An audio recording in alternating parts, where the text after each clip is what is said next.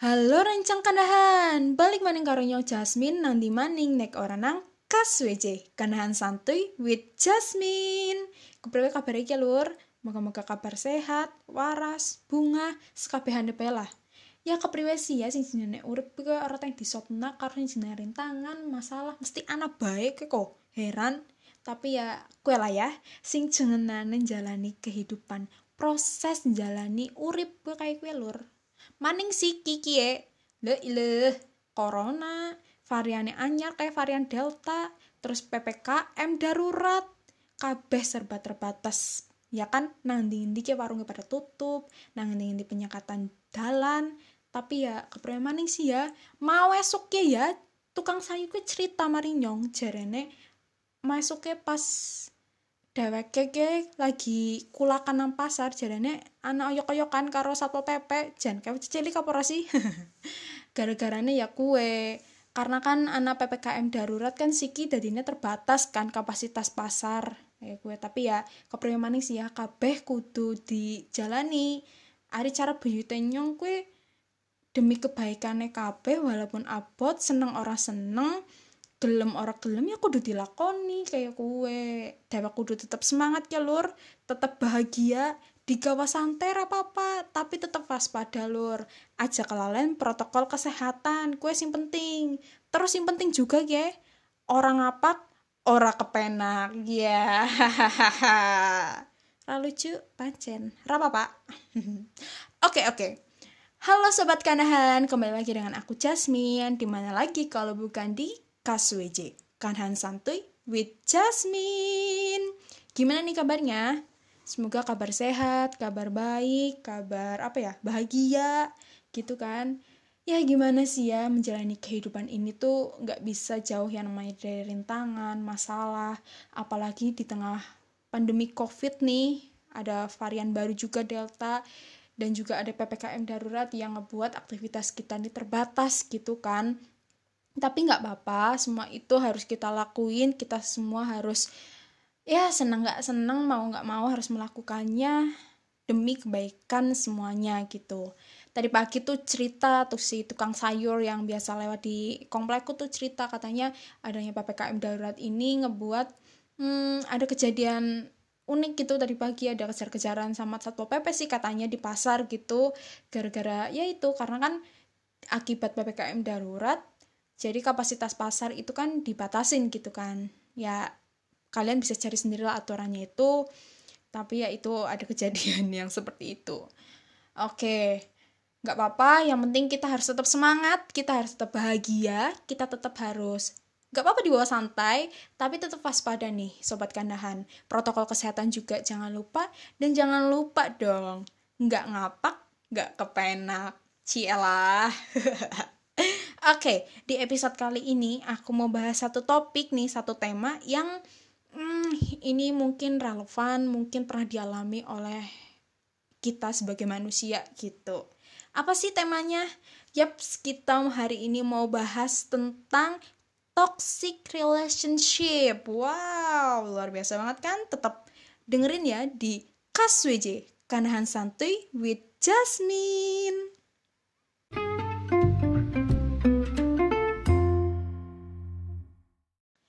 Nah, sobat kandahan, kita sebagai manusia yang hidup di dunia ini pasti pernah banget dong menjalani sebuah hubungan. Nggak mungkin nggak pernah.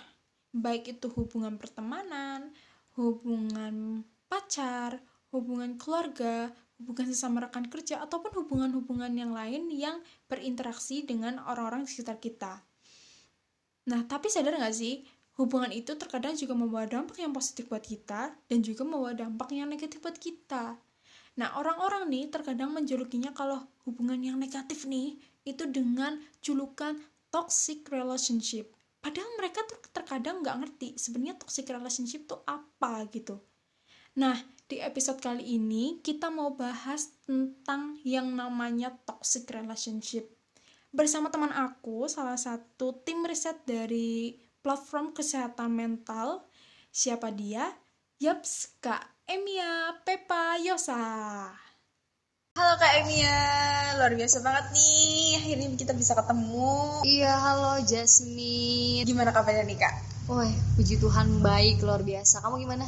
Puji Tuhan baik luar biasa juga akhirnya juga bisa datang di podcast Kas WJ Kandahan Santuy with Jasmine ngobrol-ngobrol santuy ya Iya. tentang topik yang udah kita pilih nih dan BTW Sobat Kandahan Emia ini adalah salah, satu tim riset di at berbagi cerita ya Kak? Iya, iya benar. At berbagi cerita tuh apa sih Kak sebenarnya? Jadi eh, berbagi cerita itu adalah salah satu platform kesehatan mental ya. Dan di situ kita memberikan edukasi berupa eh, pentingnya kesehatan mental, terus juga fenomena-fenomena psikologis, terus juga ada salah satu layanan berbagi cerita itu memberikan konseling gratis untuk teman-teman selama 90 menit bersama peer konselornya berbagi cerita. Kalau mungkin teman-teman ada yang mau tahu lebih lanjut, itu eh, bisa follow di at underscore berbagi cerita.id. Nah, silakan nih buat teman-teman atau sobat kandahan dicek IG-nya karena bukan hanya kesehatan fisik aja yang diperlukan, diutamakan, tetapi kesehatan mental juga diutamakan juga biar hidup kita nih balance gitu ya, nggak timpang sebelah. Oke, kita langsung aja bahas tentang toxic relationship yang lagi booming banget di akhir-akhir ini kak. Sebenarnya toxic relationship itu apa gitu? Biar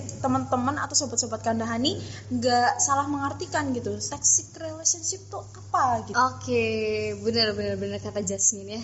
Toxic relationship itu kan eh, hampir berapa eh, setahun belakangan ini ya jadi trending topik gitu ya di mana pun. Oh, ah, benar. Jadi pembicaraan buah bibir yang di semua kalangan gitu kan ya. Nah, untuk definisinya sendiri saya yakin itu eh, Jasmine, sobat kandahan pasti tentu udah tahu lah apa itu toxic relationship ya. Eh, berasal dari dua kata ya, toxic dan relationship. Berarti artinya hubungan yang Beracun. beracun. Iya. Kalau dibilang isti- eh, definisinya sendiri itu apa? Toxic relationship itu adalah eh, suatu kondisi atau keadaan di mana kita berada dalam hubungan yang tidak sehat.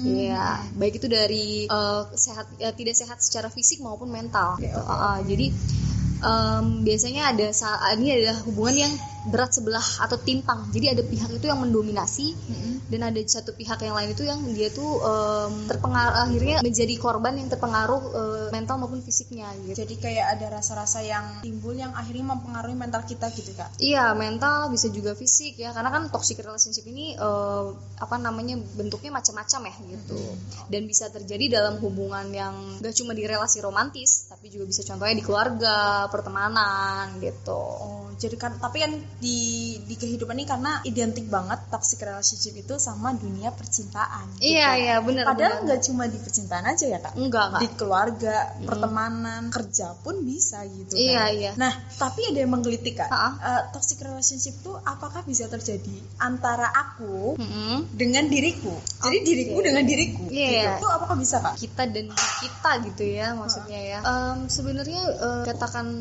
toxic relations eh, untuk diri sendiri itu eh, mungkin lebih ini ya kita yang toxic dengan diri kita gitu ya. Mesti kita adalah orang yang toxic ya. Itu ya bisa aja gitu. Karena kan eh, bentuk toxic itu adalah kita itu batasan seseorang berada dalam relasi toxic itu kan adalah ketika kita sudah kehilangan value pribadi kita terus kita juga merasa tidak menjadi diri kita sendiri. Ya itu sebenarnya udah masuk dalam kategori toxic. Contohnya adalah ketika kita em, kehilangan value pribadi kita tuh contohnya atau eh, kita nggak jadi diri sendiri adalah kita berusaha untuk em, Menyenangkan semua orang. iya bisa jadi. Jadi kayak eh, nggak jadi diri sendiri gitu loh. Kita eh, people pressure gitu misalnya kan. Terus akhirnya loh kok ini eh, aku ngelakuin ini justru membadi aku? Gitu. Itu bisa sebenarnya kayak gitu. Atau contoh kita contoh kecil lah ya yang selain itu eh, menyakiti diri sendiri itu kan juga toksik ya. Contohnya kayak kita pola hidup tidak sehat terus kita eh, kurang istirahat gitu ya. Misalnya kita sering begadang tanpa tujuan yang jelas. Itu kan juga salah satu perilaku toksik untuk diri sendiri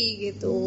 Nah dari toxic relationship itu sendiri sebenarnya Hmm? ada jenis atau macamnya nggak sih kak? Dan kalau ada itu apa aja? Oke, jenis atau macamnya mungkin em, d- ini lebih ke karakteristiknya gitu ya orang pelaku toksiknya itu ya. Ada ada. Jadi eh, jenis-jenisnya atau karakter contoh-contoh eh, ciri-cirinya gitulah ya itu ada yang namanya em, ada orang yang suka menyalahkan itu namanya guilt inducer gitu. Hmm, gitu. Oke oke.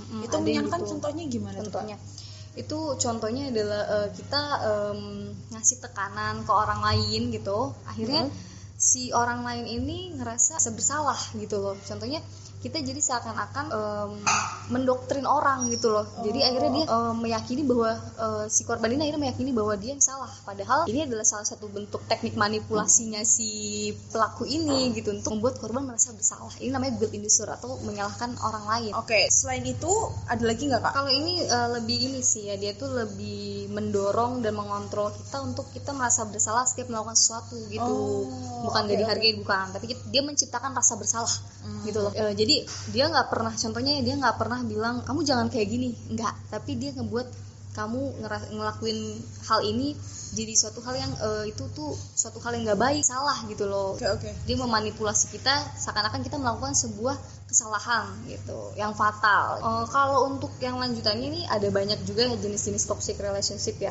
Ada yang namanya tuh eh, the user. User Ah, tuh gimana tuh kak?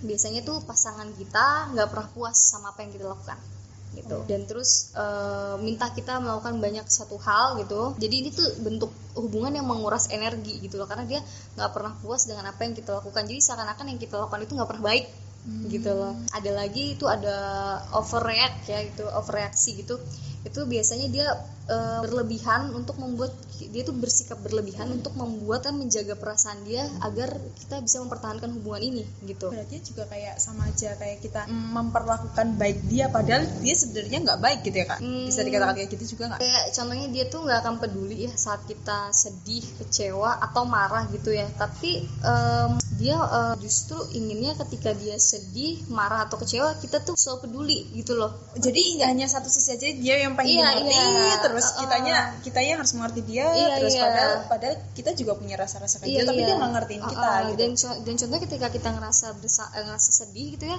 kita lagi sedih nih kita lagi kecewa dia malah mencari celah untuk menyalahkan kita gitu jadi seakan-akan tuh eh, kita tuh harus terus ngejaga perasaan pasangan kita gitu loh Terus kak, sebenarnya kan tadi kakak sebutin tuh jenis-jenisnya macam-macamnya. Nah, itu sebenarnya masih ada lagi oh sih masih ada lagi. Eh, Berarti banyak ya? banyak ini banyak macam ini mau diceritain satu-satu atau gimana nih Kayaknya nanti bisa teman-teman langsung cek aja ya di at berbagi cerita nih Iya, kontennya. boleh, boleh, Itu bakal bakal di share ya. Mm-mm. Oke, terus kak ngomongin tadi kan banyak macam jenisnya nih macamnya. Dan kalau kayaknya kalau dibahas di sini nggak cukup Iya waktunya benar kan? benar benar benar. Saya ini paham apa em, pembahasannya kan em, apa kalau toksik ini kan banyak ya.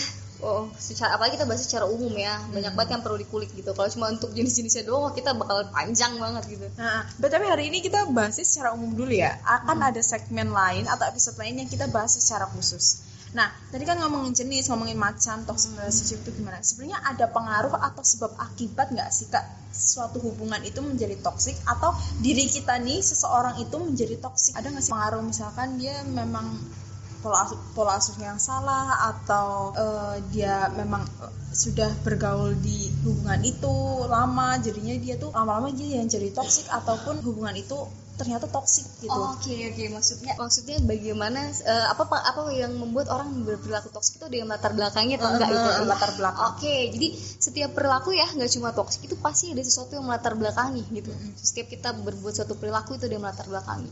Kalau toksik ya aku mungkin bicara sedikit menjelaskan aja ya gitu ya. Pasti kan ini secara luas ya penjelasannya banyak banyak banget kenapa seorang bisa berperilaku toksik itu banyak salah satunya itu adalah contohnya self esteem rendah ya atau low self esteem gitu. Jadi dia tuh rasa berharga dirinya rendah. Akhirnya dia eh, ingin apa ya ingin menunjukkan eh, harga dirinya itu dengan dia berlaku toksik ke pasangannya gitu loh. Padahal dia sendiri rendah diri. Ah, tapi cara dia untuk menunjukkan Ah, ah, itu dia kadang-kadang apa namanya jadinya kesannya jadi toksik gitu loh. Sebenarnya dia ingin eh, apa ya ibaratnya kayak men- menutupi rasa rendah dirinya itu akhirnya dia justru mengontrol pasangannya mengontrol itu kan jatuhnya ke toksik ya kan Tadi kan kita udah ngomongin latar belakang juga. Dan Hmm. selanjutnya dampak dari toxic relationship itu nggak cuman di pasangan aja, tapi secara umum tuh gimana sih kak? dampak jadi secara umum ya jadi kalau dampak dari toksik itu adalah ketika kita kan contohnya toksik itu kan macam-macam ya ada yang abusive baik itu abusive dari fisik maupun dari uh, verbal uh, seksual terus itu kan.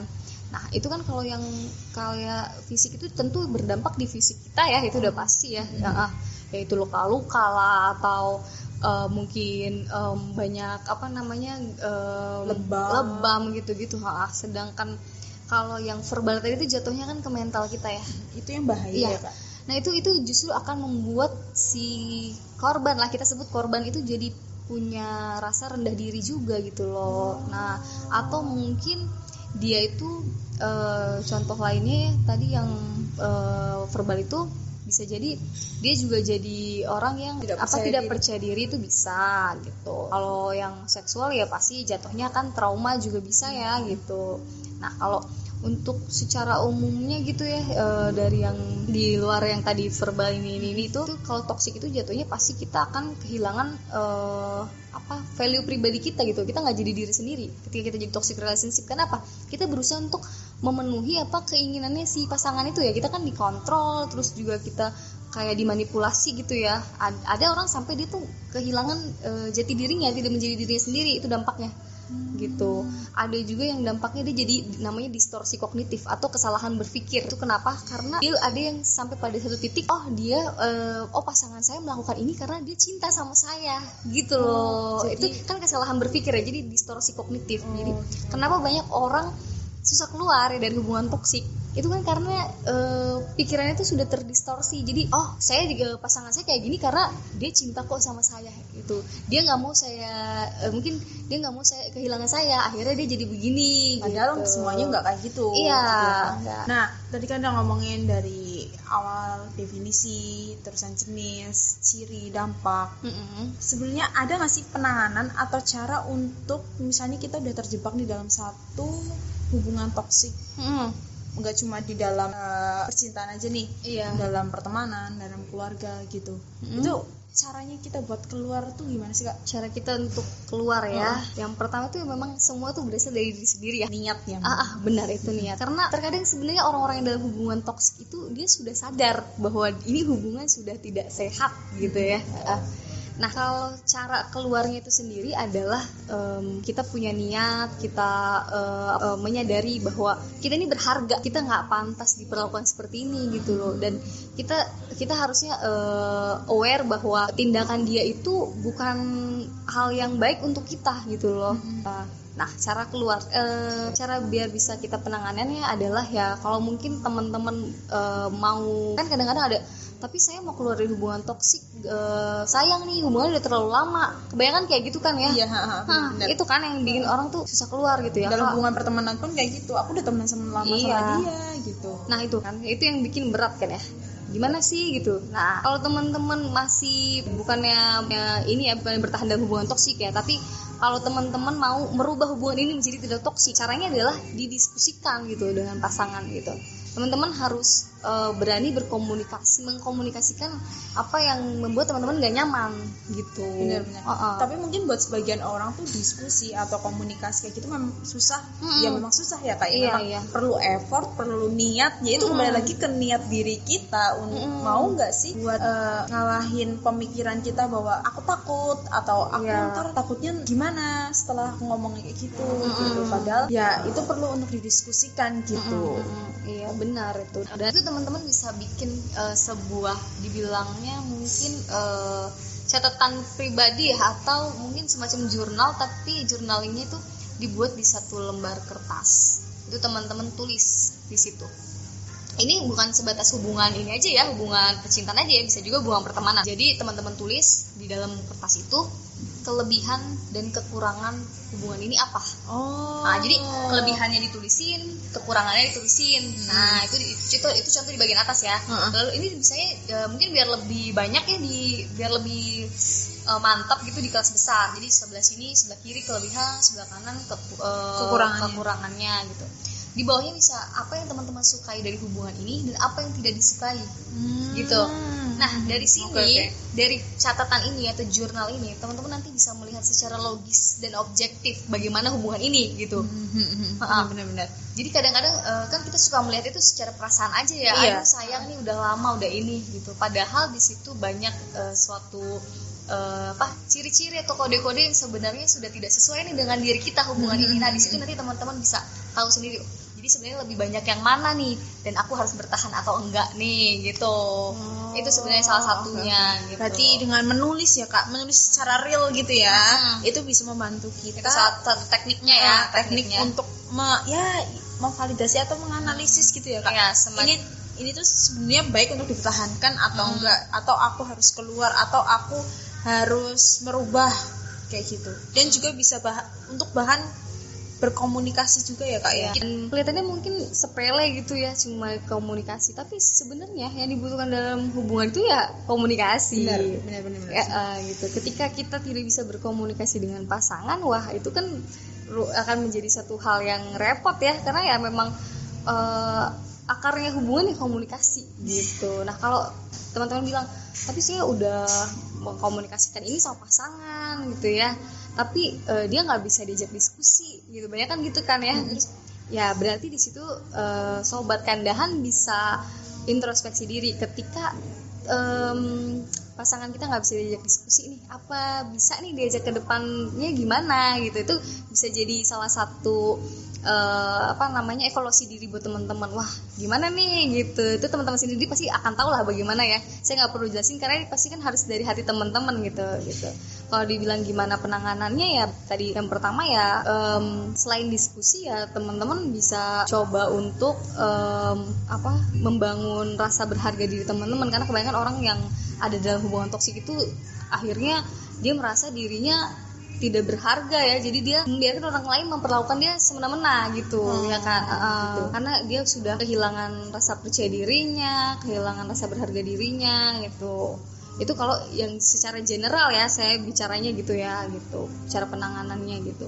Be- beda mungkin kalau misalnya yang abusive gimana ya? Yang abusive ya saya rasa kalau memang sudah berhubungan dengan fisik ya itu sudah jadi warning besar ya. Kita nggak perlu lagi berdiskusi kita sudah tahu ya orang yang sekali benar. abusive itu akan seterusnya begitu kalau kita lanjutkan mau bahaya juga ya gitu nggak cuma dalam pasangan ya kak Hmm. dalam pertemanan pun kayak gitu ngapain punya teman yang Hmm. ujung-ujungnya juga menyakiti diri kita sendiri gitu Iya, bukan malah mendukung atau mensupport Hmm. nah kan tadi kita mungkin kalau sobat kandahan nih gampang gitu loh ya buat keluar dari namanya toxic dalam hubungan pertemanan hubungan percintaan itu lebih gampang gitu. Mm-mm. Nah, gimana kalau misalnya toxic relationship itu terjadi dalam hubungan kita dengan keluarga? Keluarga misalnya sama orang tua, sama keluarga besar gitu, Hmm. nenek, kakek ataupun bule, bude gitu. Mm-mm. Kalau misalnya ada toxic di antara mereka itu gimana cara untuk menanganinya atau cara untuk keluarnya karena kan ya sebagaimana kita tahu kan kalau misalnya terjadi kayak gitu kan pasti ada ikatan darah gitu ya kak iya iya nah itu benar. gimana kak menurut Iya, memang yang kalau terjadi dalam keluarga ini memang hal yang cukup rumit ya, di, eh, karena biar gimana pun ini adalah hubungan yang di dalamnya itu penuh dengan rasa hormat ya, namanya juga orang tua kita gitu. Ah, Ini saya bicara sepengetahuan saya aja gitu ya. Kalau terjadi di dalam keluarga gitu, gimana sih cara keluarnya gitu ya kan? Sebenarnya kita kadang-kadang gini ya, kadang-kadang ini eh, sedikit ya, kita berkaca gini jangan sedikit sedikit toksik gitu karena keluar karena orang tua contohnya melarang kita berbuat ini berbuat itu. Enggak gitu ya. Maksudnya jangan apa apa dilabeli toksik gitu. Belum tentu belum tentu. Itu tuh belum tentu gitu ya. Kadang-kadang kan anak zaman sekarang kayak contohnya eh, masih di bawah 17 tahun ya dilarang pacaran. Aduh orang tua aku toksik nih gitu ya banyak kan. Ya menurut saya kalau di bawah 17 tahun orang tua pasti itu ingin menjaga anaknya gitu Benar, ya. masa eh, orang tua mana sih yang nggak takut anaknya kenapa kenapa Hmm. gitu. Jadi jangan apa jadi buat sobat kandahan yang denger ini aku sedang eh, menginfokan ke teman-teman gitu ke sobat kandahan jangan apa apa dilabelin toksik tapi dilihat dulu ini maksudnya gimana maksud orang tua kita. Karena lihat dulu kondisinya gitu. Kalau anak 17 tahun nggak dikasih pacaran lalu bilang toksik menurut saya itu bukan toksik gitu gitu. Mungkin kalau yang sudah 25 tidak dikasih pacaran itu bisa dikatakan seperti itu ya. Gitu. Iya, Eh, benar-benar. gitu kita lihat dulu. Tapi tadi balik lagi ke pertanyaannya Jasmine ya. Kalau terjadi dalam suatu hubung ah sorry dalam keluarga itu toksik ya em, atau em, apa namanya membuat kita tidak nyaman gitu ya. Lebih lebih membuat kita tidak nyaman apa yang kita lakukan gitu. Di dalam keluarga itu kita menjalin hubungan dengan orang tua itu pasti berlandaskan hubungan rasa hormat gitu ya. Itu yang membuat teman-teman jadi sungkan ya dengan orang tua ya biasanya gitu kan. Akhirnya gimana sih nih biar bisa keluar? gitu. Sedangkan kalau hubungan ya udah tinggal pergi aja. Yang penting Iya. kita udah sadar nih kalau kita nih hubungan ini udah gak sehat gitu. Oh, tapi kalau sama keluarga kita punya ikatan darah ikatan batin yang itu nggak mungkin bisa diputus gitu ya. Kalau diputus nanti dibilangin durhaka loh Nah itu.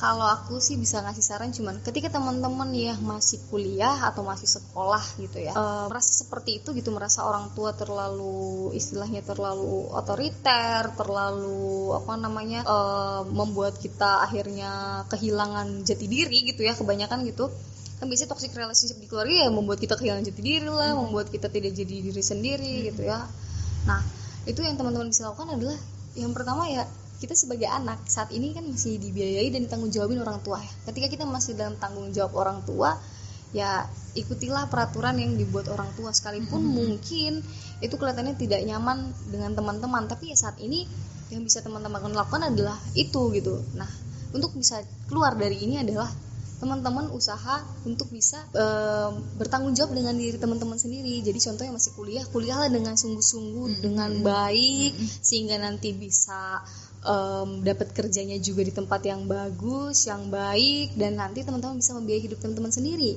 Kalau teman-teman udah bisa um, membiayai hidup sendiri kan teman-teman tentunya punya, uh, punya sudah punya istilahnya uh, kebebasan dalam hal ini ya, dalam hal finansial gitu ya bebas terbebas dari orang tua. Itu kan teman-teman bisa menentukan hidup sendiri gitu dalam mengambil keputusan-keputusan tertentu gitu yang mungkin selama ini di bawah naungan orang tua ya. Tapi jangan ya tetapi tetap sih walaupun seburuk-buruknya orang tua kita tetap harus menghormati dan menghargai gitu. Walaupun mungkin itu terkadang menyakitkan buat diri kita membuat luka dalam diri kita gitu. Mm -hmm. tapi tetap harus berusaha gitu ya iya, walaupun iya nyat nyatanya mungkin orang tuanya itu toksik banget gitu iya, tapi ya harus mau gimana kita tidak bisa memutus hmm. hubungan dengan orang tua gitu kan kalau dalam bercerai pun mungkin ada mantan istri kalau dalam hmm. bercerai itu nggak ada yang namanya mantan anak begitu iya. dalam hubungan kayak gini iya, gitu ya kak iya benar-benar dan hubungan dengan orang tua itu kan apa namanya ikatan ikatan darah kita kuat ya dan mm -hmm. itu nggak bisa tergantikan sampai kapan pun gitu ya.